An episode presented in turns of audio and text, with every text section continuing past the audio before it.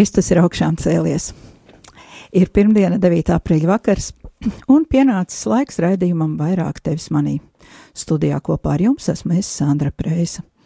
Un ceru, ka visiem šodien izdevās piedalīties svētajā misē vai nu caur radio vai klātienē, jo šodien no 25. marta bija pārcelti pasludināšanas svētki.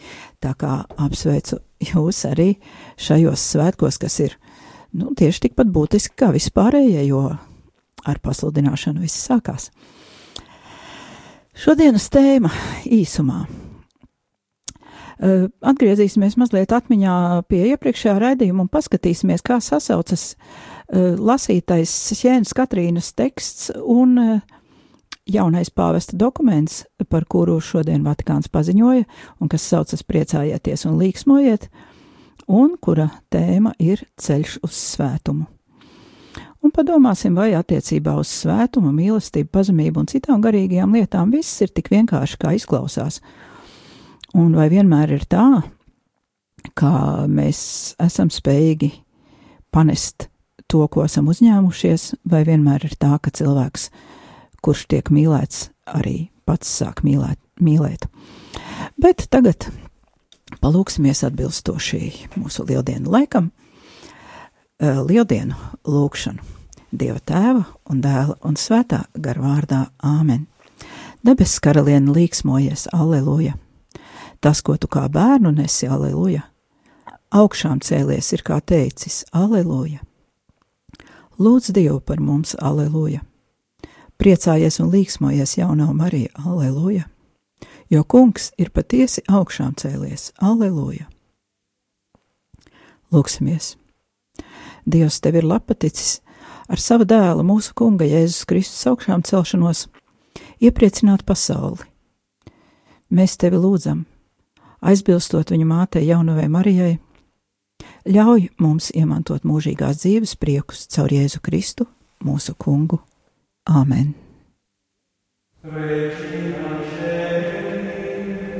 Alleluia.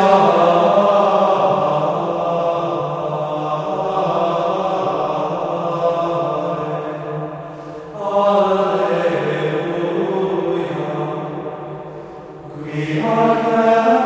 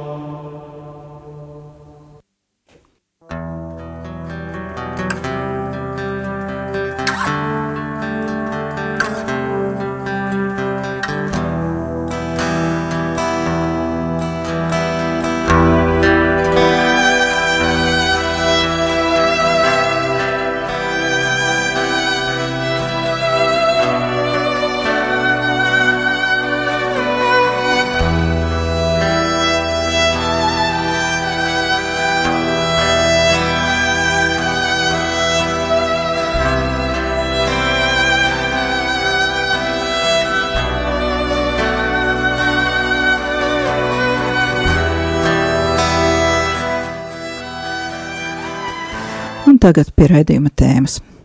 Šīs dienas raidījuma tēmā mm, šodien man nācās izdarīt nelielas korekcijas, eh, jo eh, Vatikāns ir ziņojis, eh, ka ir publiskots jauns pāvesta Franciskā apkārtraksts, kurš saucas priecājieties un līksmojiet, jeb oriģinālā gaudēte et exultāte. Jāatceraties, nesen runājām par kādu citu līdzīgu dokumentu Plakit Deo, jeb Dievs ir teicis, kurš bija vairāk domāts bīskapiem un klēram. Tas runāja par dažiem svarīgiem aspektiem saistībā ar izpratni par pestīšanu. Jaunais dokuments ir domāts visai ticīgajai tautai, citēju Vatikāna radio. Pirmdien, 9. aprīlī, tika publicēts Pāvesta Franciska apustuliskais pamudinājums par aicinājumu uz svētumu mūsdienu pasaulē - gaudēta et exultāte.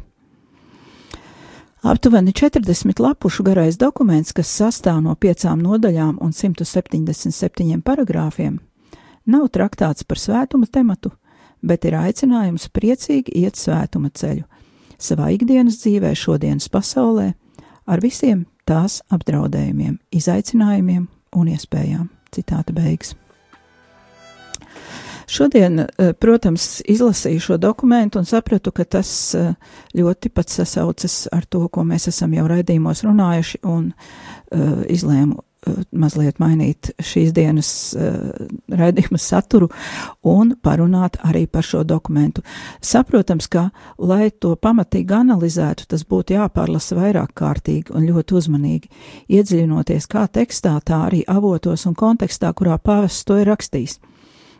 Tomēr uh, dažās domās šovakar ar jums padalīšos, uh, taču tulkojums ir mans diezgan steidzīgā veidā veikts un nav oficiāli apstiprināts, un tas ir vairāk, lai radītu jums interesi šo dokumentu pašiem sameklēt un izlasīt.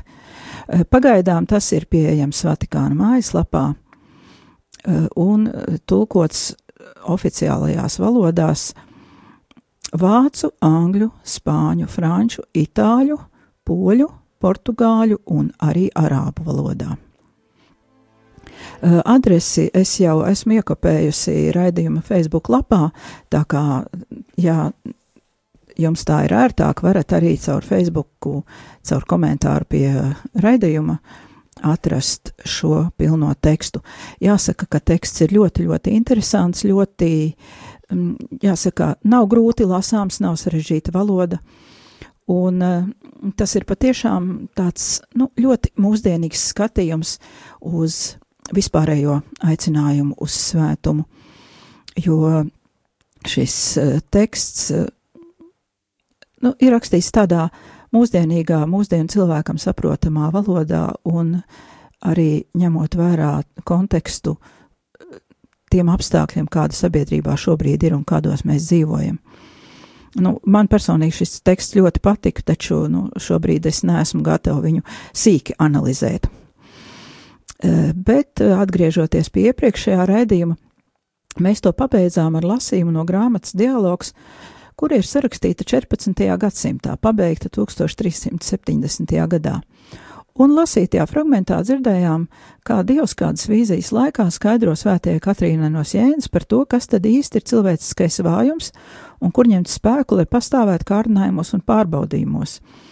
Un kādēļ es to pieminu, jo tieši šis jaunais pāvesta dokuments faktiski runā par to pašu, tikai citiem vārdiem, citā valodā, nu, atbilstoši mūsdienu situācijai.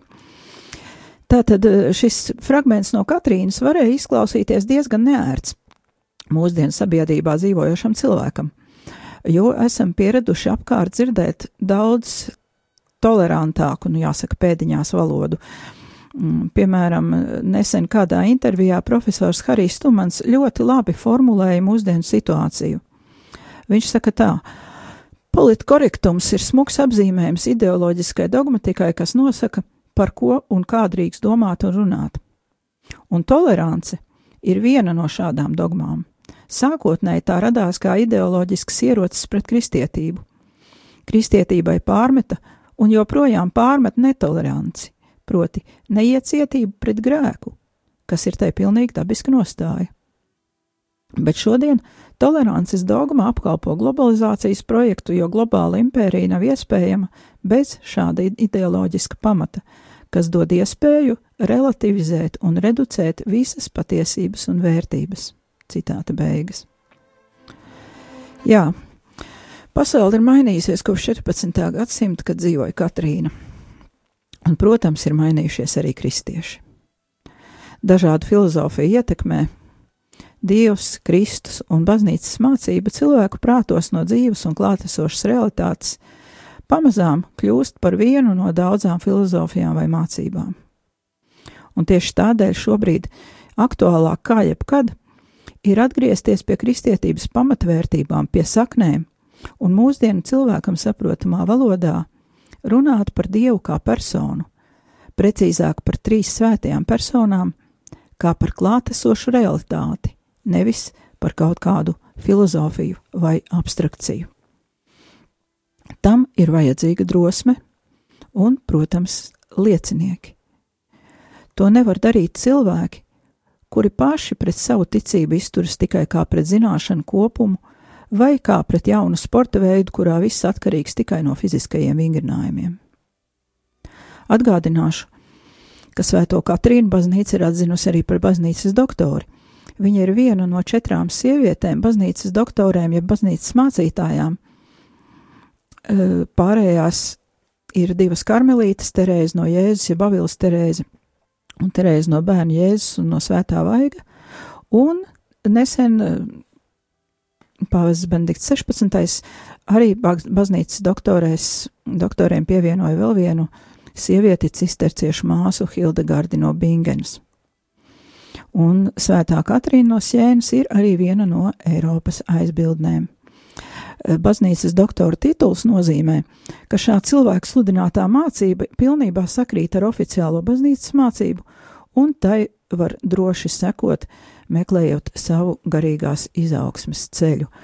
Un tādēļ arī, lai gan šie lasījumi no Katrīnas, ko mēs lasījām vakar, un vēl lasīsim daža, dažos citos rēdījumos, Tie izklausās diezgan skarbi, jo tie runā par Dievu nevis kā par abstrakciju, bet patiešām kā par reāli klātesošu personu, kā par spēku, kurš ir klātesošs mūsu dzīvē.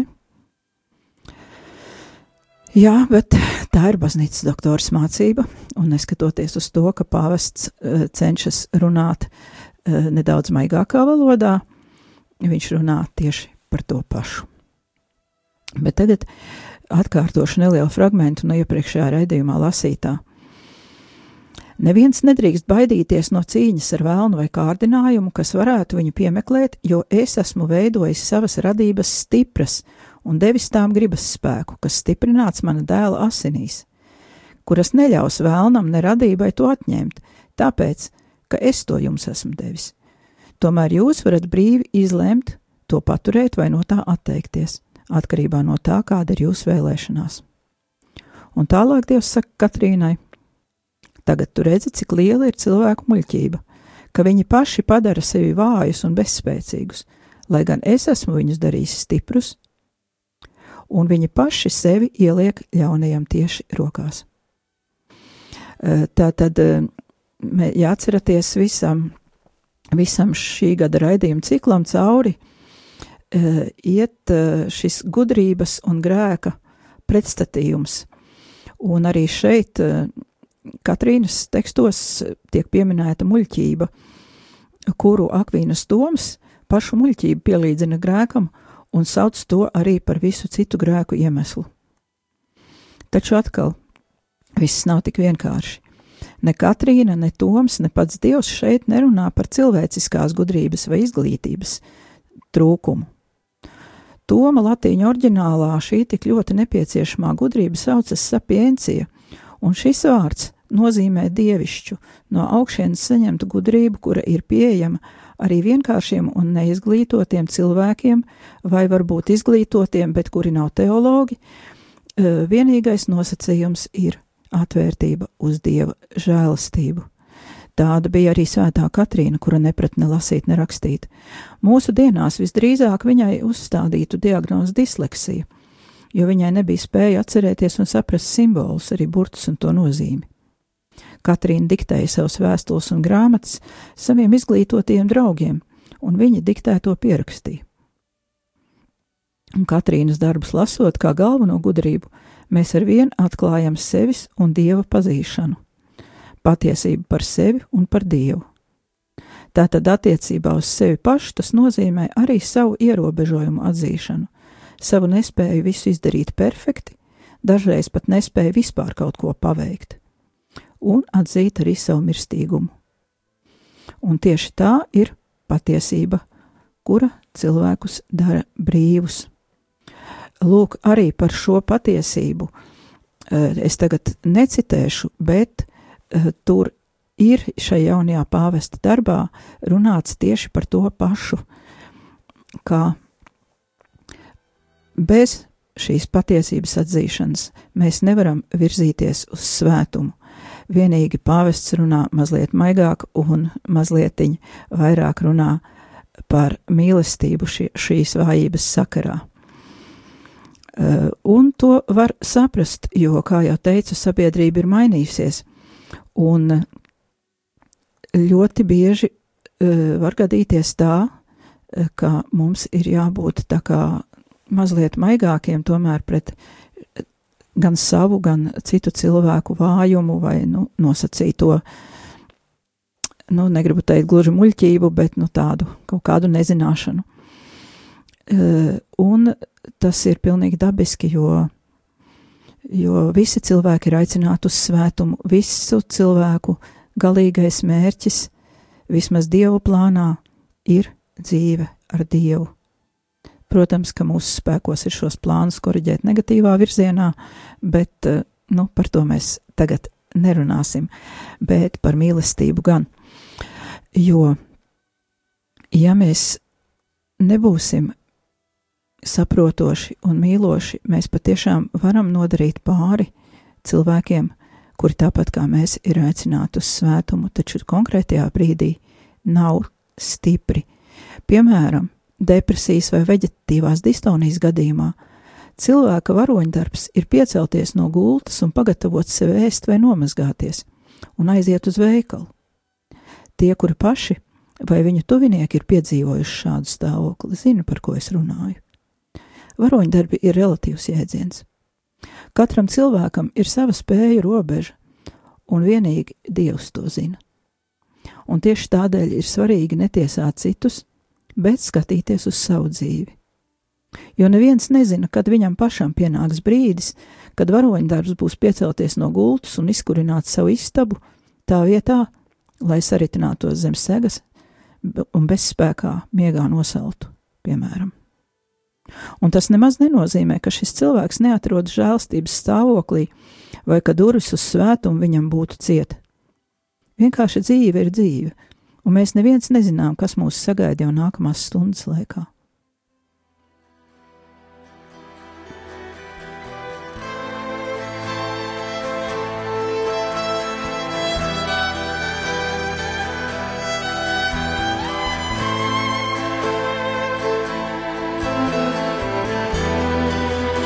Jā, mēs varam jautāt, kāpēc tā notiek?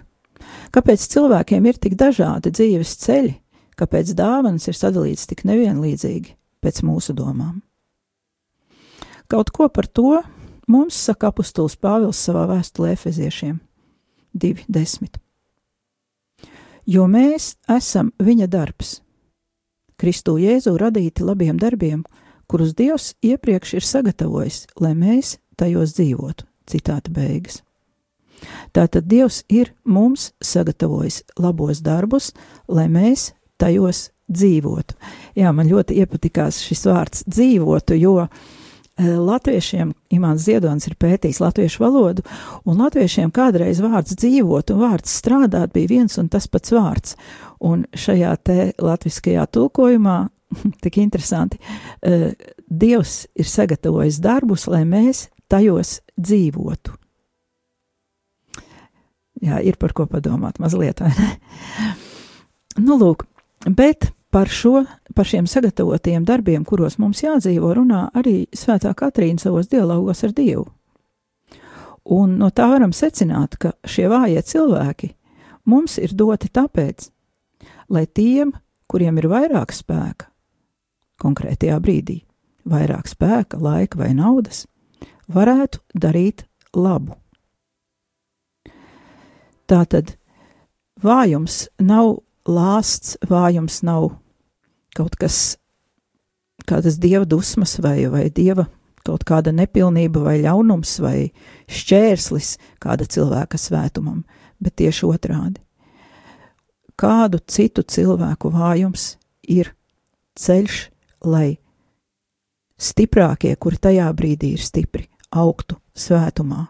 Un, protams, arī vājiem cilvēkiem ir jābūt tajā brīdī pazemīgiem, jāspēj pieņemt palīdzību, un tā tad arī tas ir svētuma ceļš viņiem lai cilvēki solidāri izmantotu Dieva dotās dāvanas un palīdzētu viens otram, Dievs tātad ir devis šīs te atšķirības gan dzīves stāvokļos, gan dažādās materiālās lietās. Kaut kādā mērā eh, šī solidārā sadarbība mums apkārt notiek visu laiku jo, piemēram, mēs taču visi izmantojam digitālās ierīces, programmas, elektrību, braucam sabiedriskajā transportā un daudz ko citu darām, un to visu ir kāds izgudrojis un izgatavojis, un tas ir kāds cits, mēs esam tikai lietotāji. Tāpat vecākiem pašiem nav jāmāca saviem bērniem fizika, ķīmija, matemātika, mūzika, dejošana un daudzas citas lietas.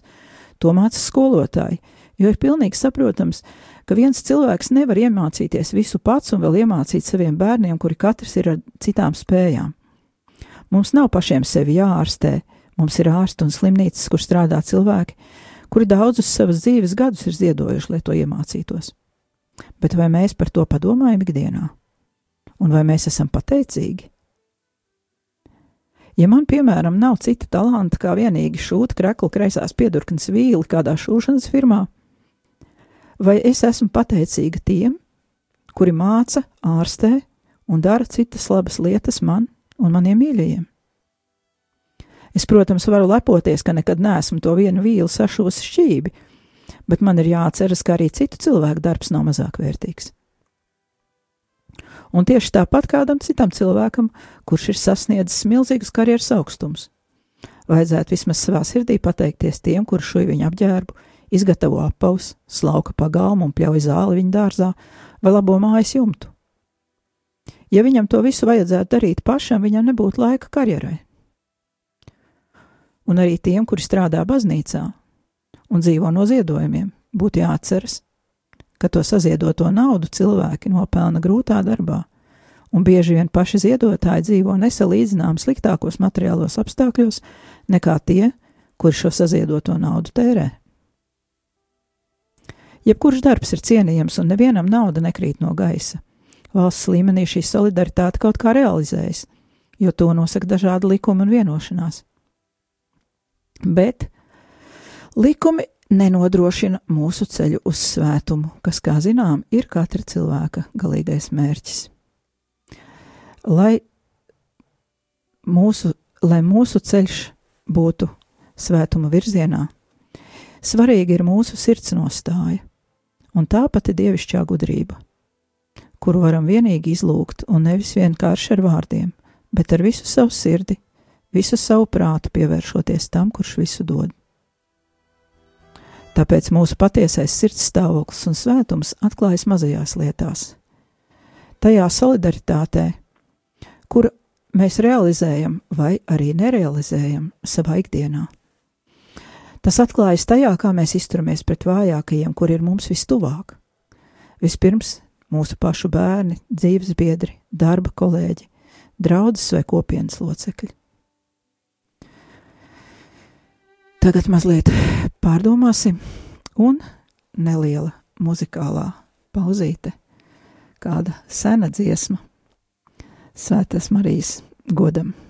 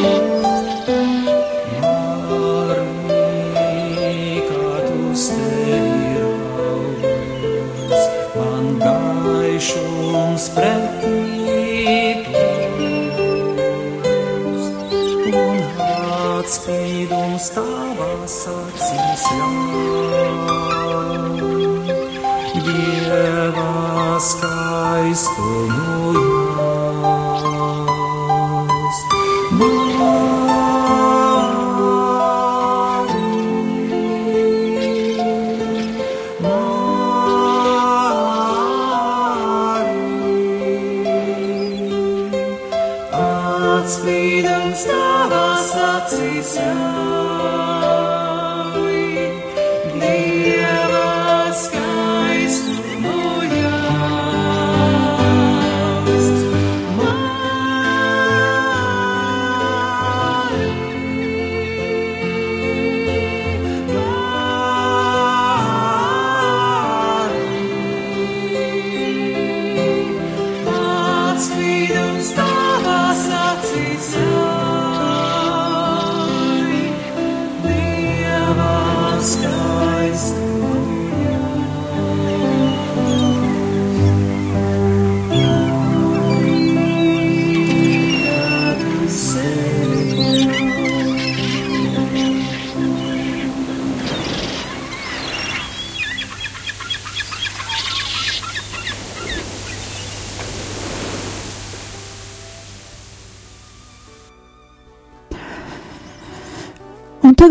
Atgriezīsimies pie gudrības un paskatīsimies, eh, ko par gudrību saka pāvests Francisks jaunajā dokumentā.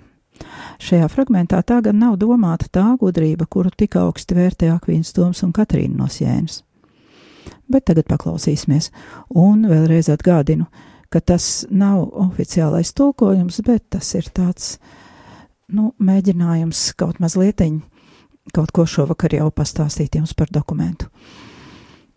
Tātad pāvests saka tā, tas ir 37. punkts dokumentā. Paldies Dievam! Visas baznīcas vēstures laikā ir bijis skaidri saprotams, ka cilvēka pilnības mērvienība nav viņa apgūtajā informācijas daudzumā vai zināšanās, kuras viņš ir apguvis, bet gan viņa tuvāk mīlestības dziļums.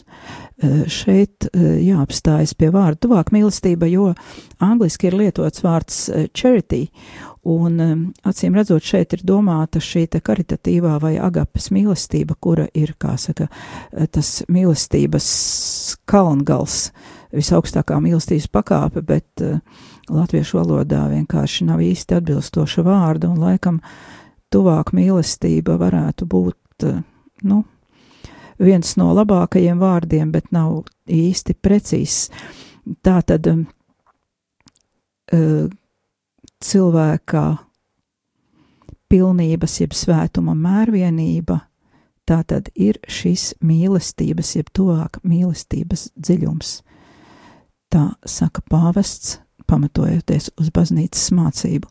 Un tālāk viņš uh, par gudrību runā mm, kā par tādu jauno herēzi, par jaunajiem gnostiķiem. Uh, un viņš saka, ka jaunie gnostiķi nesaprot šīs mīlestības nozīmi. Un viņi vērtē cilvēkus pēc viņu spējām apgūt vai saprast kādu doktrīnu. Viņi skatās uz intelektu kā uz kaut ko, kas ir šķirts no miesas, un tādā veidā kļūst nespējīgi pieskarties Kristus miesas ciešanām citos cilvēkos. Viņi ir it kā ieslēguši sevi enciklopēdiskās abstrakcijās, un gal galā atņēmuši Kristus noslēpumam miesīgumu. Viņi dod priekšroku Dievam bez Kristus, Kristum bez baznīcas un baznīcai bez ticīgās tautas. Protams, ka tā ir virspusējība un e, tāda virspusēja godkāra, jo virspusējas darbības ir labi pamanāmas, taču šajā, šajā gadījumā prāts un sirds nav nedziļi aizkustināts, neaizskarts. Tomēr gnosticisms pievelk cilvēkus, jo izskatās skaidrs, stingrs un labi saprotams, un spēj radīt ap sevi, vismaz vizuāli, arī zināmu harmoniju. Un šeit, saka pāvests, mums ir jābūt uzmanīgiem, jo es ar šo nedomāju racionālismu, kurš noliedz kristīgo ticību. Gnosticisms var būt klātesošs baznīcā gan draudzēs laju vidū, gan starp teologiem, gan filozofijas pasniedzējiem formācijas centros. Gnostiķi domā, ka viņu skaidrojumi ir vienīgie pareizie un var izskaidrot pilnīgi visu evaņģēliju. Viņi absolutizē savas teorijas, un spiež tās citiem pieņemt. Un otra lieta, ko viņa dara, viņa mēģina reducēt Kristus evaņģēliju uz augstu un skarbu loģiku. Tā pāvests par vienu no jaunajām herēzēm, kuras traucē cilvēkiem ceļā uz svētumu.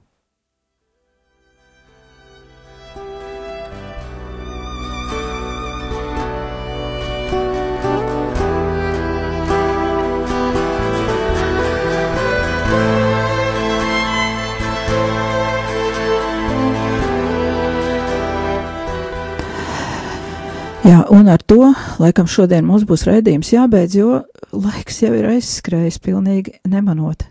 Eh, tādēļ nākamajā raidījumā turpināsim šo te tēmu par svētumu un arī par to, eh, kādas, kādi pārbaudījumi ceļā uz svētumu mums var būt un kā ar tiem tikt galā un vai visi pārbaudījumi ir visos pārbaudījumos mums ir jāmetas iekšā, jo, kā jau šodien dzirdējām, cilvēki ir dažādi un ne katrs var visus pārbaudījumus panest vienādā veidā.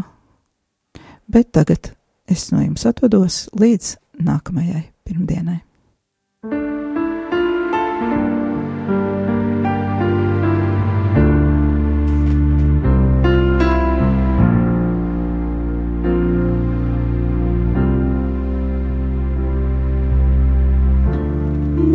stay